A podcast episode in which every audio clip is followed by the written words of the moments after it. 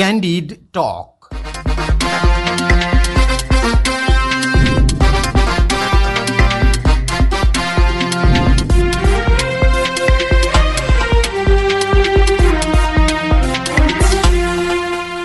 नमस्कार श्रोता रेडियो क्यान्डिडको प्रस्तुति कार्यक्रम क्यान्डिड टकमा तपाईँलाई स्वागत छ म तेजेन्द्र काफले यो कार्यक्रम तपाईँले शनिबार बाहेक हरेक दिन बिहान साढे छ बजीबाट आधा घन्टा सुन्दै आइरहनु भएको छ। तपाईँले हामीलाई ninety two point seven mega हर्चका साथै हाम्रो पात्रो रेडियो क्यान्डिडको एप्स डाउनलोड गरेर हाम्रो आधिकारिक फेसबुक पेजमा र पोडकास्टमा समेत सुन्न सक्नुहुन्छ। श्रोता न्यायालयभित्रको विवाद समाधान हुन सकिरहेको छैन। प्रधान न्यायाधीशले तत्काल राजीनामा नदिने अडान लिएपछि नेपाल बार एसोसिएसन सहितका संस्थाहरू थप आन्दोलनको तयारीमा जुटेका छन्। आजबाट तिहारको विदा सुरु हुने भए पनि आन्दोलनका कार्यक्रमलाई भने नरोक्ने उनीहरूको भनाइ छ।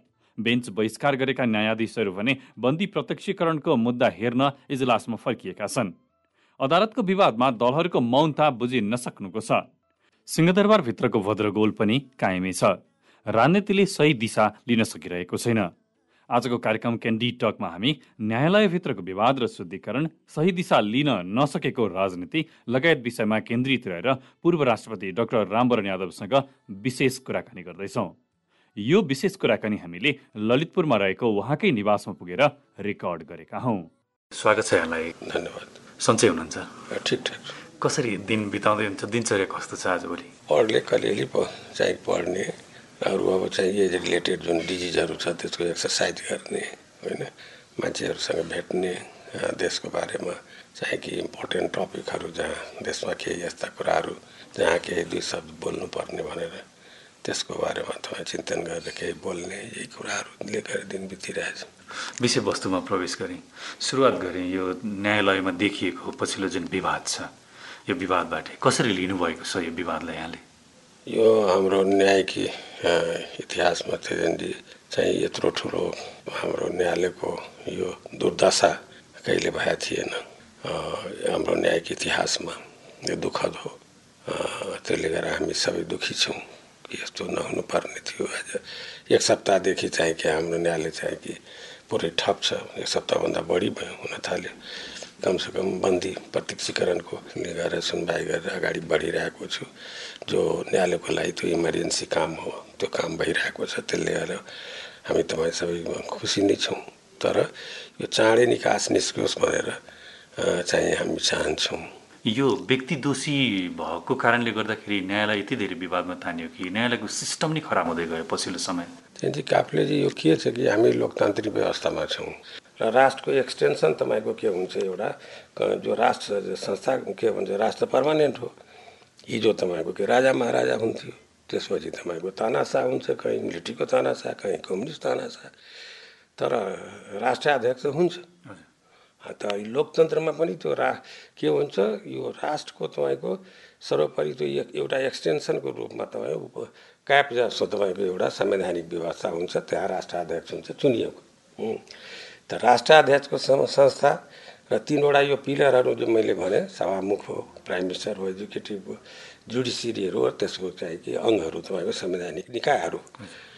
यो सबैमा तपाईँको के भन्छ कि सुपात्र जुन भन्छौँ हामी आफ्नो नेपाली भाषामा र त्यसमा नैतिक भने त्यसमा राइट म्यान राइट प्लेस यो ठाउँहरूमा तपाईँको त्यसमा पनि यो टप लेभलको जुन भने मैले राष्ट्रपति होस् प्राइम मिनिस्टर होस् र त्यसमा सभामुख होस् र जुडिस जुडिसियरी होस् सबभन्दा पवित्र संस्था तपाईँको के भन्छ जुडिसियरीलाई मानिन्छ। र यसमा तपाईँ त्यसमा के गर्छ? लोकतन्त्रले डिमान्ड गर्छ नैतिकताको डिमान्ड गर्छ। नैतिक धरातल उच्च भएको मानिसहरू हुनुपर्छ। र यस्ता संवैधानिक निकायहरूमा जतिमा भने मैले राइट एन्ड राइट प्लेसमा तपाईँ राख्नुहुन्न भने सक्षम मान्छे सब्जेक्ट म्याटर बुझेको मान्छे राष्ट्र आफ्नो बुझेको मान्छे समुदाय आफ्नो बुझेको मान्छे यो सारा ज्ञान चाहिँ एनेसलरी छ कम्प्लिमेन्ट्री छ। त्यो भएन भने तपाईँको मुस्किल हुन्छ। भनेपछि सरस्वती बुझ्दाखेरि जुन सिस्टम चाहिँ न्यायालयमा बनाइएको थियो त्यो सही थियो व्यक्ति गलत भए। सिस्टममा अब यसो छ कि सिस्टम त अनुभवको आधारमा त्यसमा सुधार गर्दै जानुपर्छ। लोकतन्त्रमा लामो प्र्याक्टिस चाहिँ चाहिन्छ। संसारको इतिहास हामी तपाईँले पढिरहेको छु तपाईँको अमेरिकन हिस्ट्री हेर्नुहोस् बेलायतको हिस्ट्री हेर्नुहोस् युरोपको अरू कन्ट्रीको हिस्ट्री हामी साउथ एसियाको डेमोक्रेसी जहाँ चाहिँ भारतको हिस्ट्री हेर्नुहोस् या जापानको हिस्ट्री हेर्नुहोस् लामो अभ्यास तपाईँको चाहन्छ।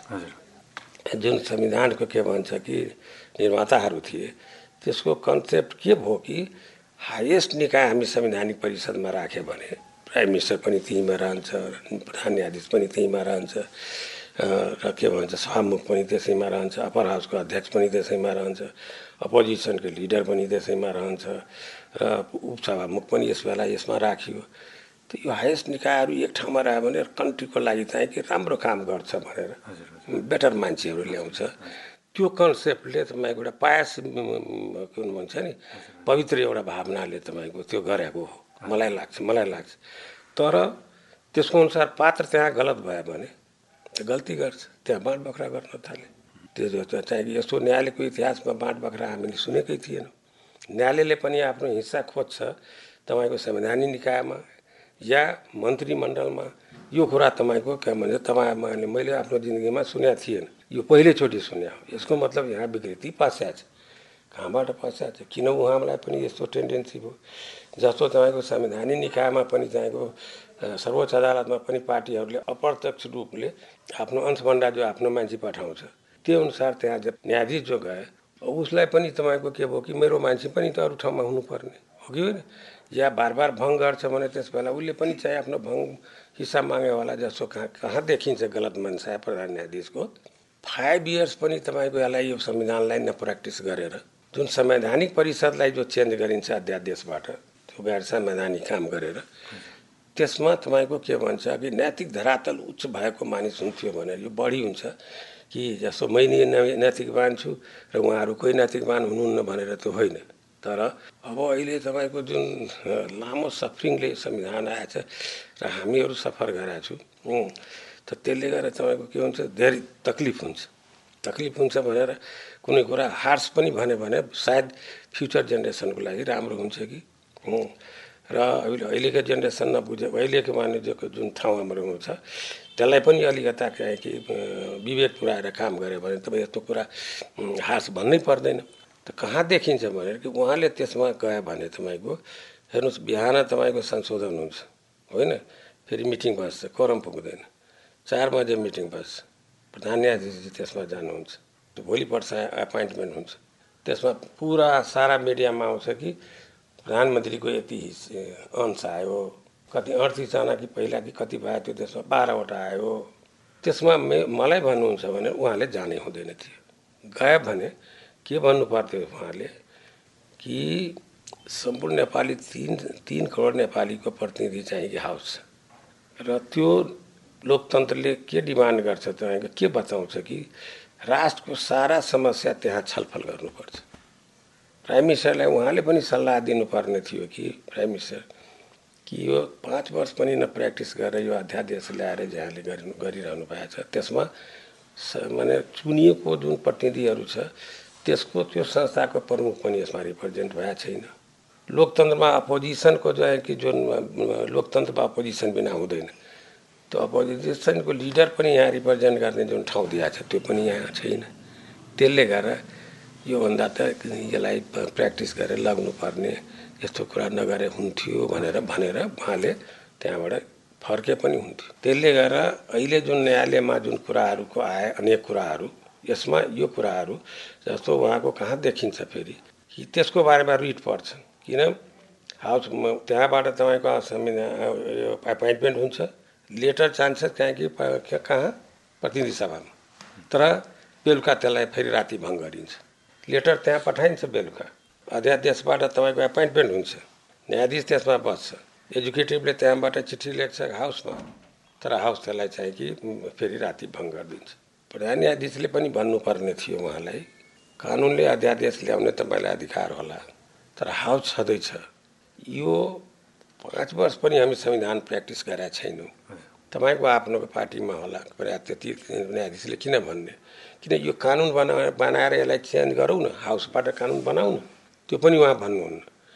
फेरि जब रिट जान्छ तपाईँको के भन्छ कि उता अदालतमा। तर अर्कोचोटि फेरि मिटिङ बस्छ त्यसमा पनि उहाँ पार्टिसिपेट गर्नुहुन्छ। जबकि केस सब जुडिस भन्छौँ हामी। जबकि अदालतमा केस छ भनेर रिट गएको छ भनेर उहाँले त्यसले भनेर पनि एभोइड गर्न सक्नुहुन्थ्यो। सेकेन्ड टाइम त उहाँले जानै नहुने थियो। त्यो पनि उहाँ जानुभएछ। थर्ड के हो सबभन्दा तपाईँको कि दस महिना भइसक्यो रिट चाहिँ उहाँले सुनवाई गरिरहनु भएको थिएन। यो सबले तपाईँ छर्लङ देखिन्छ कि मनसा उहाँको गलत हो? त्यसले गरेर तपाईँको के भन्छ अहिले बारदेखि लिएर पूर्व न्यायाधीशदेखि लिएर पूर्व प्रधान न्यायाधीशदेखि लिएर तपाईँको नागरिक समाजदेखि लिएर चेतना तपाईँ मिडियादेखि लिएर सारा र अहिले बारले बाइकआउट गरिरहेछ उहाँको फुल कोर्टको उन्नाइसजना न्यायाधीशले तपाईँको के भन्छ कि बाइकआउट गरिरहेछ। झन् मैले भने भयो हिजोदेखि अलिकता सुखद पक्ष भनौँ कि त्यो भएछ र एउटा कमिटी पनि बनाएको छ तिनजनाको।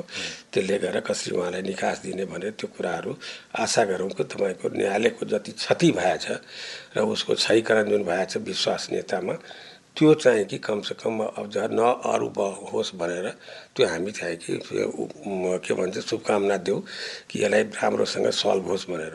जस्तो अहिले यहाँले भन्नुभयो कि अब यो जुन न्यायालयमा देखिएको क्षयीकरणकोबाट न्यायालयलाई शुद्ध बनाएर अगाडि जान र न्यायप्रतिको अपेक्षा जुन जनताको छ त्यो अपेक्षा अनुसारको काम गर्नको लागि प्रधान न्यायाधीशको राजीनामा मात्रै निकास हो अथवा अन्य कुनै विकल्पमा छलफल गर्न सकिन्छ? अहिले त राजीनामामा निकास हो। कहिले धेरै कुरा छताछिन भएछ र ज विश्वास अब जब उहाँको कलिगहरू पनि उहाँको सहयात्रीहरू पनि उहाँलाई विश्वास गर्नु गर्दैन।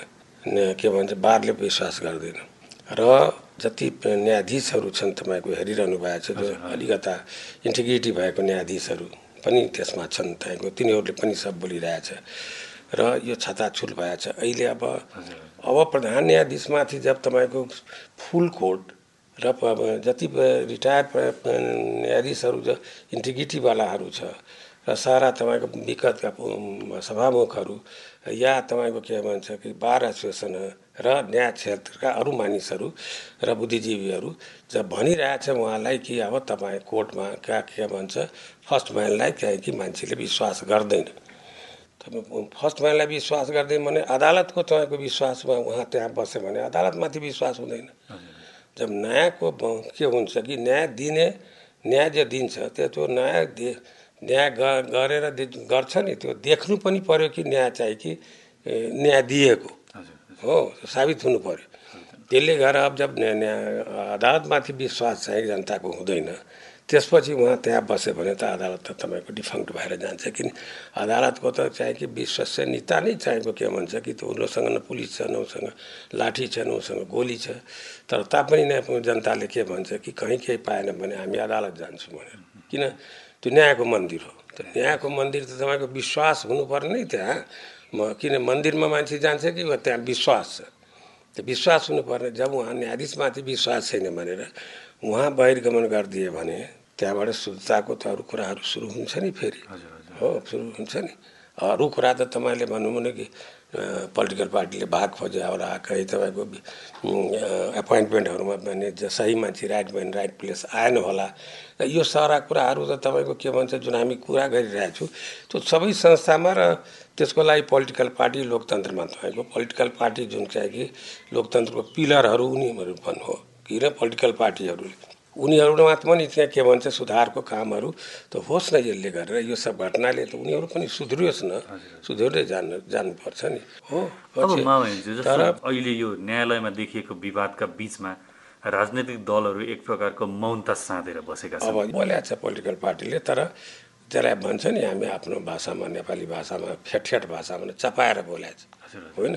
चपाएर बोलेर भएन सरसर्ती हेर्दाखेरि न्यायालयमा पछिल्लो समय देखिएको विवाद चाहिँ दुई हजार सत्तालिस सालपछि बिस्तारो झाङ्गिँदै गयो र अहिलेको परिस्थितिमा आइपुग्दाखेरि विस्फोट हुने अवस्था सिता नै सैँतालिस सालपछि यति भयो झाङ्गिया थिएन। झाङ्नुको भन्नुहुन्छ भने यतातिर गणतान्त्रिक कालमा बढी भयो। बिस्तारो त्यसको म पनि स्वीकार गर्छु तपाईँको अलिकता किनकि किन हामी आफ्नो राष्ट्रको बिल्डिङ रा नेसन बिल्डिङ प्रोसेसमा अगर त्रुटि भएको छ भने त्यसलाई स्वीकार्नुपर्छ।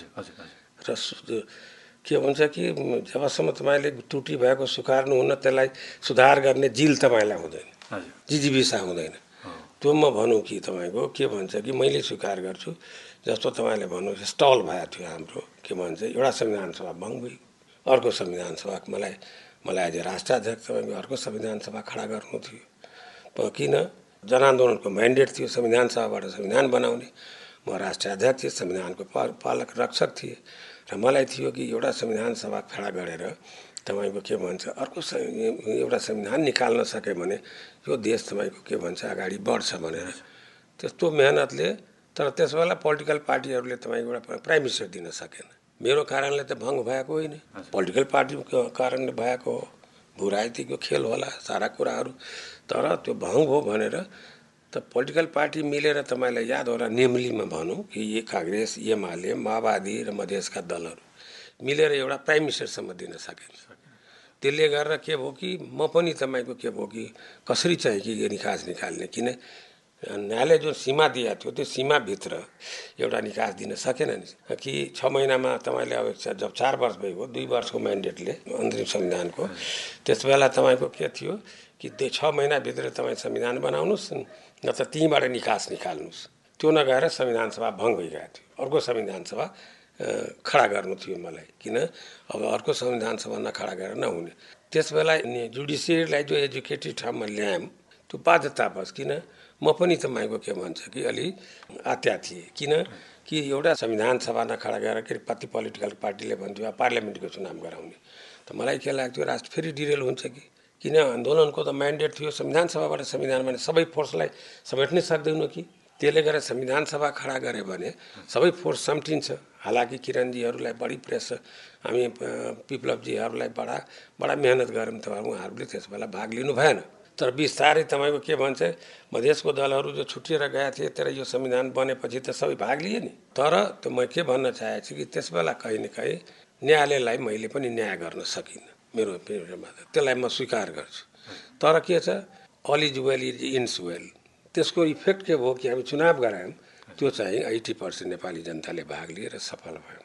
र सफल भयौँ र के पोलिटिकल पार्टीहरूले संविधान बनाएर चाहिँ अगाडि बढ्यौँ। त देश त अगाडि बढ्यो र अब तपाईँले भन्नु सैँतालिस सालदेखि सैँतालिसका राजाले प्ले गरे। त्यस बेला तपाईँको कुन धाराहरू एक सय सत्ताइस कि कुन धाराहरू थियो त्यो याद भएन भने प्ले गरे। तर त्यति बेला यति न्यायालयमा तपाईँको त्यस बेला पनि इन्टिग्रिटी थियो। हामी जेल बस्दाखेरि तपाईँको छ्यालिसमा होस् हामी बासठ त्रिसठमा होस् त्यस बेला पनि बन्दी प्रत्यक्षीकरणको चाहिएको के भन्छ सुरवाइडिटले हामीलाई छोड्थ्यो। तर यतातिर तपाईँको बासठी त्रिसठी तिनचोटि तपाईँको अदालतकै निर्देशले छुटेँ मैले। त त्यो कुराहरू र त्यस बेला तपाईँको के भन्छ यही मिडियामाथि मलाई याद छ कि एफएममाथि तपाईँको के भन्छ कि इमर्जेन्सीमा के तपाईँको ब्यान गरेको थियो सायद अदालतले तराई त्यसलाई यो एफएमलाई तपाईँको के भन्छ फेरि तपाईँको के भन्छ अधिकार दियो। हजुर त्यस्तै शाही आयोगलाई खारिज गर्यो। त त्यो सबले यो इतिहास न्यायिक इतिहासमा तपाईँको उसको रिलेटिभली राम्रो इतिहासको तर यतातिर आएर तपाईँको के भन्छ कि यो स्खलन तपाईँले जो भन्नुहुन्छ नि यो पोलिटिकल पार्टीको तपाईँको यो बाँड बख्राहरूले चाहिँ कि अलि बढी तपाईँको भएछ अहिले तपाईँ ninety two point seven mega Radio Candid सुनिरहनु भएको छ।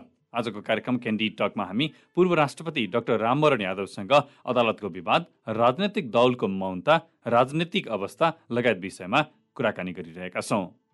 अब मामज्यू अर्को पाटोबाट सरस्वती हेर्दाखेरि जस्तो यहाँले विषयवस्तु उठान गर्नुभयो। प्रधान न्यायाधीशसँग छलफल गर्नको लागि चाहिँ तिनजना न्यायाधीशहरूको एउटा कमिटी जस्तो बनेको छ उहाँहरू एकजुट भएर छलफलमा आउनुहुन्छ तर त्यो छलफलको क्रममा प्रधान न्यायाधीशज्यूले चाहिँ म वैशाख पछि मात्रै राजीनामा दिन्छु कुरा उहाँहरूले गर्नुभएको छ। जुन चाहिँ न्यायाधीशहरू बारले एक्सेप्ट गरिसकेको अवस्था छैन। त्यसको अर्को पाटो उहाँले राजीनामा दिन आनाकानी गर्नुभयो भने महाभियोगको प्रस्तावको अर्को पाटो पनि हामीसँग ओपन रहेको छ तर त्यसको लागि दलहरूले स्वीकार गरेको त्यो लिएर जानको लागि अनिच्छा व्यक्त गरेको अवस्था पनि रहेको छ। यो दलहरूको मौनताले गर्दा न्यायालय अझै खराब अवस्थामा जान्छ कि भनेर भन्दाखेरि म गलत हुन्छ कि हुन्न अथवा यो विषयमा यहाँको राय के रहन्छ? अब यसमा भन्नुहुन्छ भनेर जुन उहाँले भनिरहनु भएको छ म वैशाखसम्म चाहिँ कि बस्छु त्यसपछि म छोड्छु भनेर। न्यायालयलाई अपूर्णीय क्षति भएछ। यो अति भइरहेछ। नेपालीमा एउटा मैले कहाँ पढाएको थिएँ अति गर्नु त अति सार नगर्नु। कि जति क्षति गर्नु भएछ किन त्यो संस्थाको प्रतिनिधि हो उहाँ। उहाँभन्दा संस्था ठुलो छ। संस्थाभन्दा सिस्टम ठुलो छ। सिस्टमभन्दा राष्ट्र ठुलो छ। यो राष्ट्रको लागि भलो हुँदैन उहाँले त्यो गरे भने।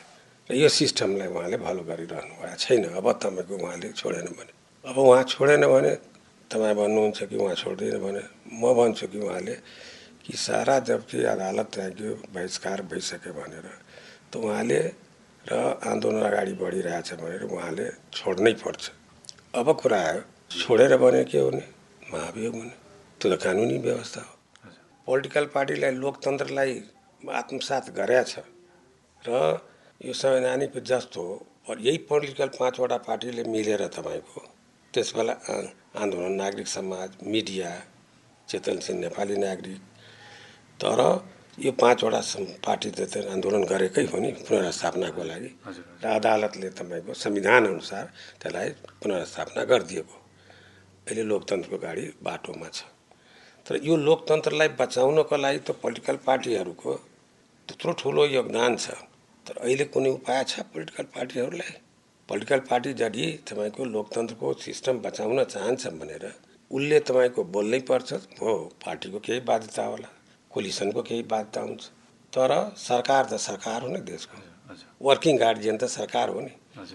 सेरिमोनियल गार्जियन या कन्सिस्टनल गार्जियन तपाईँको राष्ट्रपति। हो त्यसलाई कहीँ न कहीँ तपाईँको मिडियाहरूले मैले बोल्दाखेरि तपाईँको के भन्छ बुझेन कि कि मैले अब यस्तो जुन लामो मैले बहस गरिरहेको थिएँ यस्तो त मञ्चबाट बोल्न किन मैले भने प्राइम मिनिस्टर उता गएको छ।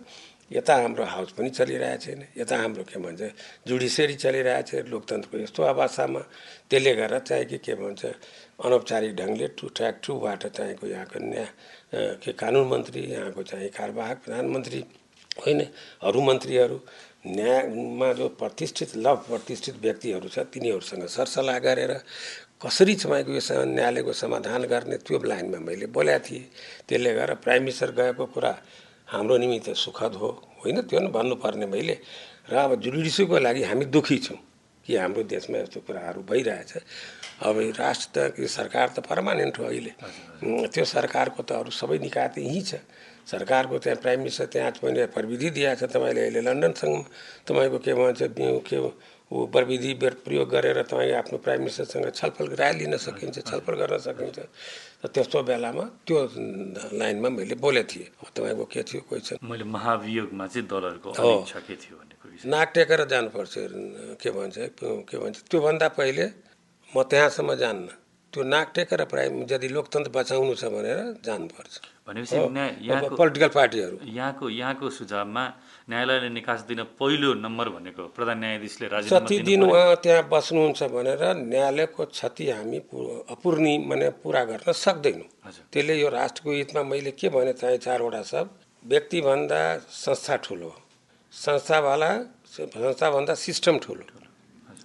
हामीले जो जुन सिस्टम ल्याएको छौँ त्यो सिस्टमभन्दा देश ठुलो। हो कि होइन? र त्यो लोकतान्त्रिक व्यवस्था हाम्रो निमित्त तपाईँको के भन्छ एउटा सभ्य समाज निर्माण गर्नको लागि माने लामो सङ्घर्षले जो संविधान आएछ यसलाई हामीले सुधबुझको साथमा हामीले प्रयोग गर्दै गयो भने संस्थाहरू खेलको नियमअनुसार तपाईँले जुन संस्थाहरूको नाम मैले भने त्यो संस्थाहरू आफ्नो आफ्नो परिधिभित्र बसेर तपाईँको खेलको नियमअनुसार खेल्यो भने भने त्यस त्योभित्र प्ले गऱ्यो भने साराको अधिकार संविधानअनुसार तपाईँको दिया छन्। र त्यसलाई हामी कानुन बनाउँदै क- कुन संस्थालाई हामीले अलिकता के भन्यो न्युट्रिसन दिने त्यसलाई पौष्टिक आहार दिएर त्यसलाई मजबुत गर्ने। उहाँले राजीनामा दिन अनिच्छा व्यक्त गर्नुभयो भने महाभियोगको प्रस्ताव लगाएर चाहिँ उहाँलाई हटाउनको लागि दलहरूले अनिच्छा व्यक्त गर्नुको कारण चाहिँ के रह्यो यसले चाहिँ कसरी अगाडि निकास दिन सक्छ? अब त्यसमा म डिटेल जान्न उहाँहरूको जे होला आफ्ना के भन्छ किनकि कि कसैले फाइदा लिया होला के भयो होला त्यसले गर्दा उसलाई बचाउन खोजिरह्यो होला। तर लोकतन्त्र त्योभन्दा ठुलो मैले के भने कि सिस्टम ठुलो छ। सिस्टमभन्दा त्यो लोकतन्त्र ठुल लोकतान्त्रिक सिस्टम हो हाम्रो।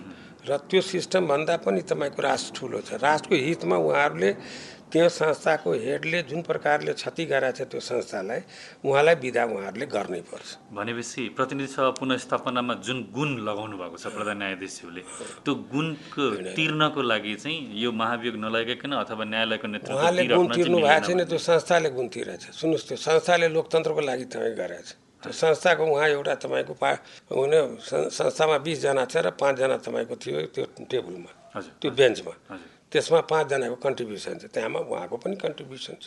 हामी त्यसलाई निगेट नगरौँ। तर उहाँले त्यो संस्थालाई के ड्या- ड्यामेज गरेर त्यहाँ बस्न राष्ट्रको हितमा हुँदैन। उहाँले छोड्नै पर्छ। पछिल्लो समय न्यायपालिका उहाँलाई पनि चाहिएको के भन्छ त्यसको लागि हित हुन्छ कि जब उहाँमाथि विश्वासै छैन न्याय जनताको त्यो न्यायालयको भने त मैले भने त्यो मन्दिरमा उहाँलाई बस्ने ठाउँ भएन अब। यो पछिल्लो समय न्यायपालिका कार्यपालिका र व्यवस्थापिका बिचको त्रिपक्षीय टकराव देखिएको छ नि। यो टकरावले मुलुकलाई कुन दिशातिर डोर्याउँदैछ के लाग्छ? टकराव बाचा ठिक भएन भने टकराव देखिएछ। किन तपाईँको उहाँले भङ्ग गर्न जानु? हजुर। राष्ट्राध्यक्षले किन तपाईँको साथ दिए? त्यहीँ गार्ड गर्नुपर्ने थियो नि। अन्तिम तपाईँको जोडिसियरले त्यसलाई गार्ड गरे त्यसलाई बचाए। तर त्यहीँ त्यो राष्ट्राध्यक्षले तपाईँको ए, दुई दिन चार दिन सल्लाह गरेर संविधानविदहरूसँग छैन भनेर त्यहाँ त्यहीँबाट करेक्ट हुन्थ्यो पात्रको कारणले भइरहेछ। कि हामीले जुन चर्चा गऱ्यौँ कि हामी उच्च नैतिक बलको मान्छेहरू त्यो संस्था बुझेको मान्छे त्यो लोकतन्त्र बुझेको मान्छे देशलाई अगाडि सबै कुरा एकैचोटि आउँदैन। तर बिस्तारै आउँदै जान्छ प्र्याक्टिसले। तर यो नेसन बिल्डिङको प्रोसेसमा यस्ता घटनाहरू अगर हुन्छ संसारमा तपाईँले भनौँ अमेरिकामा हेर्नुहोस् त त्यहाँ पनि अहिले ट्रम्प त्यहाँ अब्राहम लिङ्कन मान्छे जस्तो भयो जर्ज वासिङटन जस्ता मान्छे पनि भयो जोन अफ केनेडी जस्ता मान्छे पनि भए अच्छा धेरै मान्छे भएर त्यो लोकतन्त्रको इतिहासमा उनीहरू चार चाँद लगाए। तर अहिले ट्रम्पले तपाईँको त्यो चुनावै न तपाईँको स्वीकार गरेर तपाईँको त्यहाँको कङ्ग्रेस भने त्यहाँको पार्लियामेन्टलाई नै आक्रमण गरे तपाईँको। तर त्यहाँको सिस्टम प्र्याक्टिसले मजबुत भएछ भनेर ट्रम्पको बारेमा मैले पढाएको थिएँ कि दुई सय छब्बिसजना उसले तपाईँको यो स्टेटमा र हाई कोर्टहरू माने सायद होला हाई कोर्ट पनि स्टेट कोर्टहरू र चाहिँ कि सुप्रिम कोर्टमा तपाईँको मिलाएर उसले दुई सय छब्बिसजना एपोइन्टमेन्ट गरेको थियो। छजना त तपाईँको हाई सुप्रिम कोर्टमा नै उसले आफ्नो कलमले एपोइन्टमेन्ट गरेको थियो। तर ऊ साठीवटा मुद्दा हालेको थियो चुनावको बेलामा रिगिङ भयो भनेर। तर साराले तपाईँको होइन अनियमितता भएको छैन भनेर त्यो अदालतले गरे त्यहाँको अदालत त्यहाँको निर्वाचन आयोग त्यहाँको तपाईँको उपराष्ट्रपति यो सबले तपाईँले त्यो बचाएर छ नि। इभेन सेनासम्मले चाहिँ कि कहाँ बोलाएको थियो उसको जनरलले कि हामी त संविधान अनुसार जान्छौँ भनेर हो। त त्यो संस्थाले बचायो। अब संस्थालाई चाहिँ कि यो अभ्यासले संस्थाहरू मजबुत हुँदै जान्छ भनेर अहिले भन्नुभयो नि कि अहिले किन भइरहेछ भनेर यो पोलिटिकल पार्टीहरूको विकृतिमा विकृति र न्यायालयको विकृति जुन आयो भनेर र अहिले म भनौँ कि यो संस्थाहरू जो सभामुखको संस्था छ राष्ट्रपतिको संस्था छ कार्यकारिणीलाई कहिले काहीँ उल्टापल्टा मान्छे आउँछ तपाईँ हामी सुनेकै छौँ। हिटलर पनि तपाईँको के लोकतान्त्रिक विधिबाट चुनाव गएर हिटलर भयो हो। अहिले पनि तपाईँले काउन्ट गर्नुहुन्छ भने त्यस्ता कन्ट्रीहरू छ संसारमा। तर संस्था तपाईँको बिस्तारै प्र्याक्टिसले हुँदै हुँदै त त्यो अरू संस्थाहरूले बचाउँछ फेरि त्यसलाई। हो कि होइन? हो। त्यसले गर्दा लोकतन्त्रमा त त्यसैले यो संस्थाहरू खडा गरेको छ नि। किन संवैधानिक किन खडा गर्नु पर्यो? त्यसपछि तपाईँको के भन्छ र लामो अभ्यास भएर नि तपाईँको के भन्छ कि यो जुडिसियरी र यो लेजिस्लेटिभ र के भन्छ एजुकेटिभ र एजुकेटिभको टेम्पटेसन कहिले काहीँ संविधानलाई यस्तै इन्क्रोच गर्ने खत्तम गर्ने आफ्नो पावरको लागि त्यो सब गर्छ। तर अरू संस्थाहरू तपाईँको के भन्छ त्यसमा पनि नैतिकवान र चरित्रमान मान्छेहरू भयो भने त हुन्छ। अब तपाईँले भन्नुभयो उहाँले तपाईँको के भन्छ पुनर्स्थापना गर्नुभयो त्यसले गरेर गुण तिरिरहेछ भनेर। गुण त हामीले राष्ट्रलाई तिर्नुपर्ने नि। हामी कसैको ऋण त खाएको छैन नि। राष्ट्रको त्यो संस्थाहरू राष्ट्रको संस्था हो। र राष्ट्रको संस्थामा तपाईँको के भन्छ कि म तिन तिन करोड नेपाली मध्ये एकजना नेपालीले तपाईँ राष्ट्राध्यक्ष भए। राष्ट्रले गुण लगाएको हो नि मलाई। तिन करोड नेपाली जनताको आशीर्वाद होला नि हुनलाई। या एउटा क्षेत्रबाट चुनिएर आए तर राष्ट्रिय दृष्टिकोण होला तब न त्यो पदमा चाहिँ गइयो तब राष्ट्रको रक्षा नगर्नुपर्ने तपाईँको। व्यक्तिको रास्ता हुँदैन। त्यसले गर्दा उहाँलाई भ्रम होला कि मैले तपाईँको के भन्छ गुण लगाएको छु यिनीहरूलाई? र पोलिटिकल पार्टीहरूलाई पनि भ्रम गर्छ कि उसले हाम- हामीलाई गुण लगाएछ भनेर। त्यो भ्रम चाहिँ के हुन्छ। त्यो ठाउँहरू यस्तो छ कि कोही चाहिँ साथ दिँदैन भोलि। देशवासीले साथ दिँदैन। त उहाँले कसरी बस्नुहुन्छ त्यो न्यायालय न्यायालयको पदमा? उहाँले अहिले छोड्नु पर्ने हो। त्यसले उहाँको हित हुन्छ। अहिले तपाईँ नाइन्टी टू पोइन्ट सेभेन मेगाहर्जमा रेडियो क्यान्डिड सुनिरहनु भएको छ। आजको कार्यक्रम क्यान्डिड टकमा हामी पूर्व राष्ट्रपति डाक्टर रामवरण यादवसँग अदालतको विवाद राजनैतिक दलको मौनता राजनैतिक अवस्था लगायत विषयमा कुराकानी गरिरहेका छौँ। यो पछिल्लो तिन चार वर्षको राजनीतिक उतार चढावलाई खेलाउने हो भने सही ट्र्याक दिन नेतृत्व कमजोर भएको विश्लेषण हुन थालेका छन्। यस्तै बुझाइ हो यहाँको पनि कि फरक छ यसमा धारणा? मेरो सहपाठीहरू अहिले छ धेरै लिडरसिपमा दुई चार वर्षमा भन्दा कान्छो होला मेरो समकालीन होला र जो यङ्गर जेनेरेसन छ तिनीहरू पनि चालिस वर्ष पचास वर्ष तपाईँ कन्ट्रिब्युट गरेछ र यही पोलिटिकल पार्टीहरूले तपाईँको के भन्छ यो लोकतन्त्रको लागि लडाइँ पनि गरेको हो। र लेफ्ट पोलिटिक्समा तपाईँको उनीहरू पनि बिस्तारै तपाईँको यसमा आएकै हो। पच्चिस वर्षसम्म एमाले पनि तपाईँको यो प्र्याक्टिस हामी सँगसँगै गऱ्यौँ। तर त्यो ट्रान्सफर्म हुनमा सायद चाहिँ कि यस्तै संसारमा भएको हो। किन लोकतन्त्रको विधि र प्रक्रिया बुझ्यो भने लोकतन्त्र के होस्? समग्र रूपमा त त्यसले गर्दा पहिलाका पुस्ताहरू तपाईँको के छ कि बढी समर्पण र बढी तपाईँको बुझेको मलाई लाग्थ्यो। अहिलेको पुस्तालाई के भइरहेको छ? बढी सत्तातिर तपाईँको चाहिँ कि बढी ध्यान दिन्छ र लोकतन्त्रको सिस्टम बसाएर लग्ने त्यो चाहिने कहीँ न कहीँ चाहिँ कि सत्ताको लागि कसरी तपाईँको भागभन्डा गरेर जाने त्यो सब कुरामा बढी ध्यान दिने। तर लोकतन्त्रलाई संस्थागत गर्दै लग्ने चाहिँ म आफै पनि चाहिँ पाइ भोटल ठाउँमा थिएँ। किन? संविधान बनाउनको बेलामा चाहिँ कि त्यो सात वर्षसम्म म पाइ भोटल ठाउँमा थिएँ। त्यस बेला देखेँ कि संविधान बनाउने र यत्रो लोकतन्त्रको उपलब्धिलाई संस्थागत गरेर जाउँ भन्दा पनि के भन्छ बढी तपाईँ सत्ताको लोभ भने बढी थियो। अब अहिले त तपाईँको के दुईवटा संविधान सभाको चुनावपछि जुन हामीले संविधान ल्यायौँ त्यो टाइम मेरो के माने सबैको लागि डिफिकल्टी थियो। तपाईँहरू पनि लाग्यो होला। घटवाल कानुन छ त हाउसै विघटन भइहाल्छ फेरि हाउस खडा गरिन्छ फेरि तपाईँको के संविधान ल्याउँछ त्यस बेला घोषणाको बेला मै खुसी थिएन। किन देशमा गोली चलिरहेको थियो। म चाहन्थेँ कि काङ्ग्रेस एमाले माओवादीलाई कन्भिन्स गरेर चाहिँ देशभित्र मधेस छ यो देशको राष्ट्रिय समस्या हो यो हाम्रो समस्या हो। हामी तपाईँको के भन्छ कि मलाई म राष्ट्रपति थिएँ भनेर मलाई लाग्यो कि कि मैले पाहाड र मधेसलाई जोड्दै लोकतन्त्रको विधिबाट हाम्रो जति समस्याहरू छ समाधान गर्ने त्यसको लागि म चाहिँ पहल गर्दै आएको थिएँ। इतफाकले म तपाईँको देशको राष्ट्रपति भएँ। र राष्ट्रपति भइसकेपछि त मेरो कर्तव्य थियो कि राष्ट्रलाई जोड्ने काम गर्ने त्यो समुदायलाई जोड्ने राष्ट्रिय एकतालाई मजबुत गर्ने राष्ट्रिय अखण्डतालाई मजबुत गर्ने त म खिन के नथियो कि कि मेरो कर्तव्य थियो कि म देशलाई पनि जोडेर गएर त्यहाँ पनि एकैचोटि दिन देशभरिमा चाहिएको कि त्यहाँ बत्ती बल्यो भने त म देश सफल हुन्छ त्योसँगै मेरो सफलता हुन्छ त्यसले गर्दा म त्यसमा तपाईँको अलिकता चाहन्थेँ कि दुई महिना एक महिना अरू बसेर सल्भ गर्दै जाउँ भनेर। सल्भ गर्दै जाउँ भनेर। तर त्यो भएन भनेर किन टेक्निकली त तपाईँको के भन्छ कि संविधान अनुसार त त नाइन्टी पर्सेन्टबाट चाहिँ अनुमोदन भएर तपाईँको हाउसबाट संविधान बनिसकेको थियो। त्यो संविधानलाई मैले शिरोधार गरेर जनतालाई चाहिँ त्यो जनताको बिचमा चाहिँ जनताको नासो राखेँ। अब त्यसपछि तपाईँको यो चुनावहरू जो तिनवटा भयो र मधेसका दलहरू पनि सबै भाग लिए र अरू तपाईँको छिटफुटहरू पनि सँगसँगै चाहिँ भाग लिँदै आए। त के लाग्यो मलाई कि अब तपाईँको के भन्छ लोकतन्त्रको गाडी अब अगाडि बढ्छ र जनताको जुन भावना थियो जनता चाहन्थ्यो कि कि अब तपाईँको के भन्छ एउटा तिन तहको चुनाव भएछ संविधान एउटा आएको छ त्यो लोकतान्त्रिक हो।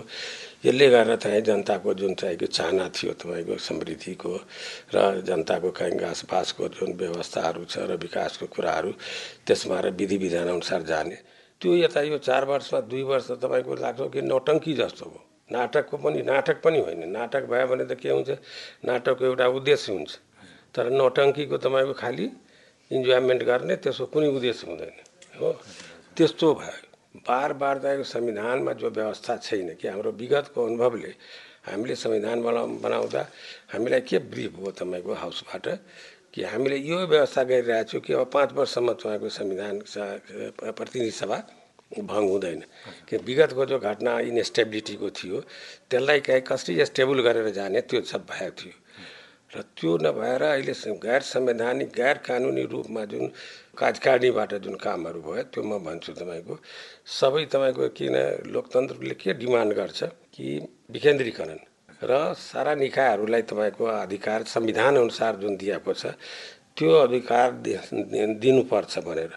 तर के देखियो विगतको यो प्राइम मिनिस्टरमा योभन्दा पहिलेको प्राइम मिनिस्टरमा कि उहाँले सारा शक्तिलाई तपाईँको के भन्छ कि तानासा जस्तो सारा कुराहरू आफ्नो अन्तरमा ल्याउने। यो पाँच सातवटा सारा सिक्युरिटीको कुरामा तारा चाहिँ प्रेसको कुरालाई प्रेसलाई चाहिँ सारालाई चाहिँ प्रेसको चाहिँ कि सङ्कुचन गर्ने सारा मात्र निकायहरूलाई आफ्नो अन्तर्गतमा चाहिँ जो तानासाही व्यवस्थामा गर्छ त्यस्तो ल्याउन कोसिस गरे गर्दै अगाडि बढ्नु उहाँले हुँदा हुँदै तपाईँको हुँदा खाँदा तपाईँको यो हाउस चाहिँ कि जो पाँच वर्षलाई संवैधानिक व्यवस्था छ त्यसलाई तपाईँको उहाँले के गर्नुभयो चाहिँ कि बिना संविधानमा जो कहीँ त्यो धारा छैन कि भङ्ग गर्ने तर यो पार्लियामेन्ट्री सिस्टम छ र यसमा भङ्ग गर्न सकिन्छ भने जो विगतमा सैँतालिसको संविधानमा थियो या संसारको पार्लियामेन्टमा चाहिँ कि जुन हुन्छ यत्रो पाँच वर्षको लागि चाहिँ कि जो संविधानमा लेखिया छ त्यसको विरुद्ध गएर उहाँले चाहिँ दुई दुईचोटि भङ्ग गर्नुभयो त्यो फेरि के भयो कि लोकतन्त्रमा जो पिलरहरू हामी भन्छौँ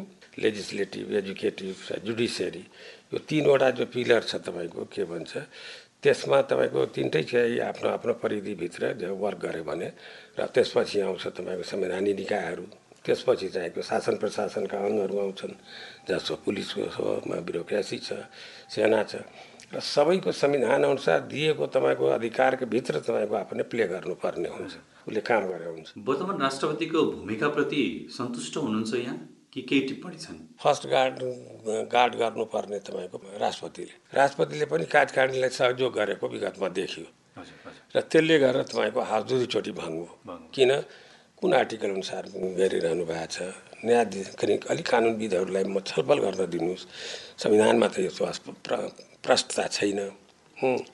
भेग केही होला तर केही छैन भनेर यो त पार्लियामेन्ट्री सिस्टम हो। तर भङ्ग गर्ने कहीँ ठाउँ छैन यो त पाँच वर्षको लागि छ। त्यहाँ सहयोग गरेको देखिन्छ। भने दुईवटा संस्थाले थर्ड संस्थालाई आक्रमण गरेर भङ्ग गर्छ।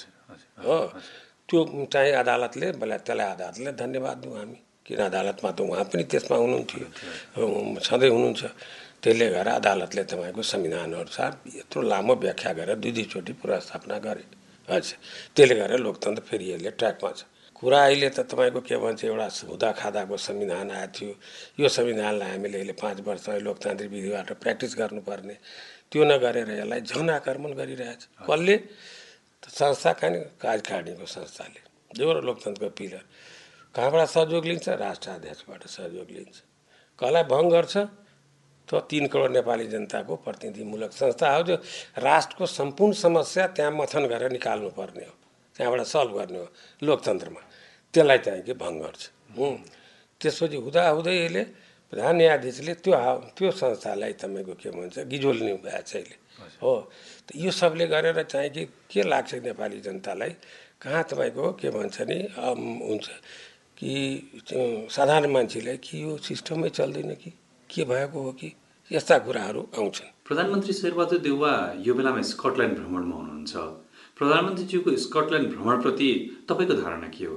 र अहिले नाइन्टीदेखि अहिलेसम्म तपाईँ ट्वेन्टी वानसम्म यो तिस वर्ष भनौँ न एउटा मोटामोटी तिन दशकमा।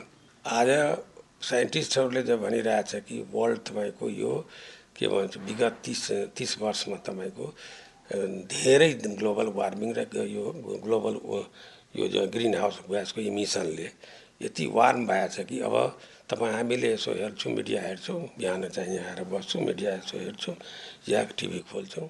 साइबेरियामा आगो लागिरहेछ। क्यालिफोर्नियामा तपाईँको तिन तिन महिना आगो लागिरहेछ। टर्कीमा आगो लागिरहेछ। ग्रिसमा आगो लागिरहेछ। होइन? अस्ट्रेलियामा तपाईँको तिन तिन महिनासम्म तपाईँको लाखौँ तपाईँको जीव जन्तु नष्ट हुन्छ। हेबिटेटहरू तपाईँको नष्ट हुन्छ। त्यसको वासस्थानहरू अब यस्तो भएर त्यो जो र यता पेट्रोलको माने डिजलको यता कोइल कोइलाको यता ग्यासको यो सारा तपाईँको जुन पृथ्वीको दोहन भइरहेछ सारा तपाईँको के छ गर्मी जो बढिरहेछ हाम्रो हिमालको आइस पिग्लिरहेको छ आर्टिक अन्टार्टिकको आइसहरू पिग्लिरहेको छ तपाईँको तटीय चाहिँ कन्ट्रीहरूको भन्छ कि अब यसलाई हामीले केही गरेन भने सब डुब्छ त्यसमा मालदिवको बारेमा सुनाउँछु बङ्गलादेशको बारेमा सुन्छु अरू आइल्यान्डहरूको बारेमा सुन्छु। हाम्रो ग्लेसियरको बारेमा छ हाम्रो माउन्टेनमा हाम्रै शेर्पा भाइहरूले तपाईँको त्यहाँ त्यहाँ बोल्छ कि रेड तपाईँहरूको रेडियोबाट सुन्छु। कि बाह्र वर्ष पहिले जहाँ हिमालमा चढाएको थिएँ त्यहाँ अहिले चढ्दाखेरि चाहिँ कि हामी जाँदाखेरि त्यहाँ त दस फिट चाहिँ कि बाह्र फिट आइसकेको छ तल तपाईँको सब कालो पत्थर देखिन्छ आइसै छैन। होइन? सारा देख बनिरहेछ ग्लेसियरहरू मेल्ट भइरहेको छ। सिजनल अनसिजनल तपाईँको रेन क्लाउड ब्रस्ट भइरहेछ। धेरै कहिले अतिवृष्टि कहिले अनावृष्टि कहिले ढडेलो कहिले आँधी हुरी तपाईँको शीतलहरी कहिले तपाईँको के भन्छ बाढी पहिरो। यो सारा त हामीले भोगिरहेको छु जो कि हामीहरू आफ्नो उमेरमा तपाईँहरूको उमेरसम्म यो कुराहरू थिएन। प्रेडिक्ट गर्थे। कि यति आज यस्तो छ अब पानी पर्छ। अब पानी कम हुन्छ। हो यो सिजनमा पानी पर्छ यो सिजनमा सुक्खा हुन्छ।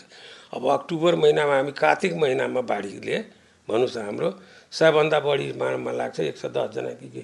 उन्नाइस बेपत्ता भएर त्यसलाई सबलाई जोड्नुहोस् भने लगभग डेढ सौको पुरा हुन्छ। यस्तो अवस्था छ। तर यो सब तपाईँको ग्लोबल वार्मिङ भइरहेको छ त्यो संस्थामा तपाईँको नेपालको प्राइम मिनिस्टरले रिप्रेजेन्ट गर्छ। र तपाईँको त्यो आफ्नो कुराहरू हिमालको बर्फ पिग्लिरहेछ ग्लेसियर पिग्लिरहेछ हाम्रो तपाईँ ग्लोबल वार्मिङ संसारको हामी इमिसन गर्दैनौँ।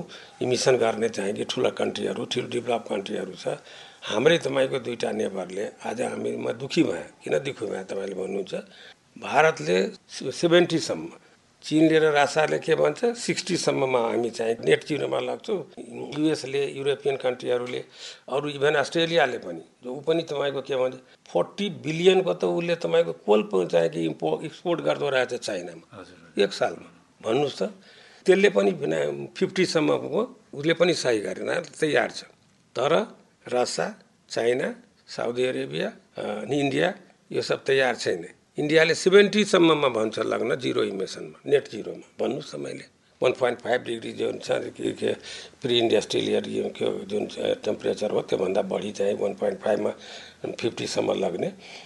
र त्यसमा ऊ सहमत भइरहेको छैन। त्यसले म दुःखी भएँ। हो मेरो नेबर जो सबभन्दा बढी इमिटर छ चाहिएको चाइना र त्यसपछि चाहिँ कि अब इन्डिया पनि त्यही इमिटर छ।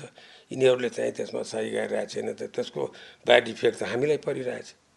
जबकि हामीले छोरा पोइन्टमा केही मिसन हामी गरिरहेछौँ त्यसले गरेर चाहिएको तर यस्तो बेलामा हाम्रो प्राइम मिनिस्टरबाट ग्लोबल फोरममा गएर चाहिँ बोलेर र आफ्नो समस्याहरू देशको राखेर र त्यसले गर्दा हाम्रो नेपालीको लागि त्यो चाहिँ के के उपलब्धि मान्नुपर्छ र त्यो राष्ट्रिय हितमा काम भएको छ। मानवजी अन्तिममा एउटा प्रश्न यहाँलाई। यहाँको नेतृत्वमा संविधान जारी भयो तर त्यो संविधानप्रति अहिले पनि असन्तुष्टिका आवाजहरू उत्तिकै छन्। पछिल्लो समय त धर्मनिरपेक्षता गणतन्त्र सङ्घीयता लगायत चाहिँ खारेज हुनुपर्छ यो सिस्टम नै परिवर्तन हुनुपर्छ भन्ने आवाजहरू पनि उठिरहेका छन्। यो सही ट्र्याकमा ल्याएर संविधानलाई बलियो बनाएर लिएर जानको लागि कसले कहाँ के गर्न आवश्यक देख्नुहुन्छ? के भन्छु मैले तपाईँको काफलेजी? जहाँ पनि परिवर्तन यो कर्मिक रूपमा परिवर्तन हुँदै जान्छ। नेपाली जनता अहिले लोकतान्त्रिक र गणतान्त्रिक भेल जुन छ नि त्यसमा बहुसङ्ख्यक छ। तर यथास्थितिवादी तपाईँको धर्म कट्टरवादी धर्मवाला एक्सट्रिम राइटिस्ट एक्सट्रिम लेफ्टिस्ट यो फोर्सहरू त रहन्छ नि देशमा। एकैचोटि निर्मूल हुँदैन नि। त्यो पोलिटिकल पार्टीमा पनि त्यसको छ त्यस्ता फोर्सहरू त्यसले गर्दा यो कुराहरू आउँछ। तर हामी तपाईँ यो बुझौँ अब नेपाली जनताको एक्काइसौँ शताब्दीमा हिजोको सत्र सालको नेपाली होइन छ्यालिस सालको पनि नेपाली होइन। हामी आफ्नै अनुभव गरिरहेछौँ। छ्यालिस सालमा लाग्यो कि नेपालमा चाहिँ कि के भन्छ आन्दोलन भएछ? सात सालको आन्दोलन त हामी देखेनौँ। छ्यालिस सालको आन्दोलनमा त हामी जेलमा थियौँ। त हामी बुझ्यौँ कि हाम्रो देशमा आन्दोलन भइरहेछ। तर बासठी त्रिसठीको आन्दोलन हामी देख्यौँ न्युयोर्कमा भइरहेछ नेपालीले गरिरहेछ सिडनीमा गरिरहेछ टोकियोमा गरिरहेछ लन्डनमा गरिरहेछ दिल्लीमा गरिरहेछ कलकत्तामा गरिरहेछ। नेपालीको के भने जहाँ संसारमा नेपाली छडिएर छ तपाईँको के भन्छ कि डेढ सय कि पौने दुई सय देशमा त्यसमा तपाईँको सय देशमा त्यसको चेतनको अवस्था तपाईँको नेपालीको अगाडि बढाएको छ त्यो लोकतान्त्रिक भएछ त्यो गणतान्त्रिक भएछ। कसैलाई होला भ्रम कि अब राजा आउँछ? कसैलाई भ्रम? होला तपाईँको के भन्छ हिन्दू राष्ट्र हामी घोषणा गर्छौँ। यो संविधानलाई हामीले प्र्याक्टिस गर्दै लगेर भोलि तपाईँको यसमा अरू सुधारहरू जुन आवाजहरू उठिरहेको छ त जनजातिको आवाज होला थारूको आवाज होला के भन्छ मधेसीको आवाज होला मुस्लिमको होला दलितको होला अरू चाहिँ पिठिएका समाजका होला कति कुरा चाहिँ चेन्ज गर्ने होला। त्यसलाई तपाईँको लोकतन्त्रलाई हृदयम गर्दै हृदयगम गर्दै र यो संविधानलाई कसरी बचाएर लाग्ने र अलि फराकिलो जो छाती राखेर जो लामो इतिहास भएको काहीँ के नेताहरू छ त्यसले तपाईँको अहिले पनि हेर्नुहुन्छ तपाईँको दलितको हेर्नुहोस् त रुकुमको काण्डको हो? हेर्नुहोस् त एउटै उदाहरण देऊ अरू अरू त अब मलाई त्यति याद छैन तपाईँहरूले। त त्योसम्म त तपाईँको के छ व्यवहारले तपाईँले चाहिँ कि न मुखले भन्ने यो सबैको अधिकार हामी बराबर दियौँ। तर व्यवहारले त्यसलाई उतार्दै जानु पऱ्यो नि। समय सापेक्ष तपाईँको चेन्ज गर्दै जानु पऱ्यो नि। त त्यो तपाईँको लोकतन्त्रले त्यसलाई चाहिँ कि डिमान्ड गर्छ। र त्यो काम गर्दै जानुपर्छ नि जस्तो तपाईँले कोही भने पोलिटिकल पार्टीले के गर्छ? पोलिटिकल पार्टीले गर्नै पर्छ यदि लोकतन्त्रसँग माया छ त। र त्यो प्रेसर चाहिँ जनताबाट आउँछ जनताबाट आउँछ र उसले गर्नै पर्छ। हस् धन्यवाद। समय दिनुभयो लागि। धन्यवाद।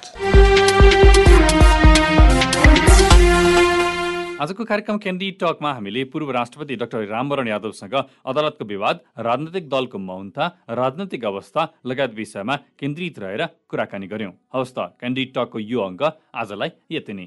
भोलि बिहान साढे छ बजे फरक विषयमा कुराकानी गर्ने प्रविधि संयोजनका लागि सशिन्द्र गौतम र किशोर श्रेष्ठलाई धन्यवाद। कार्यक्रमबाट म तेजेन्द्र काफले पनि बिदा माग्छु। रेडियो क्यान्डिड सुन्दै गर्नुहोला। नमस्कार। Candid Talk.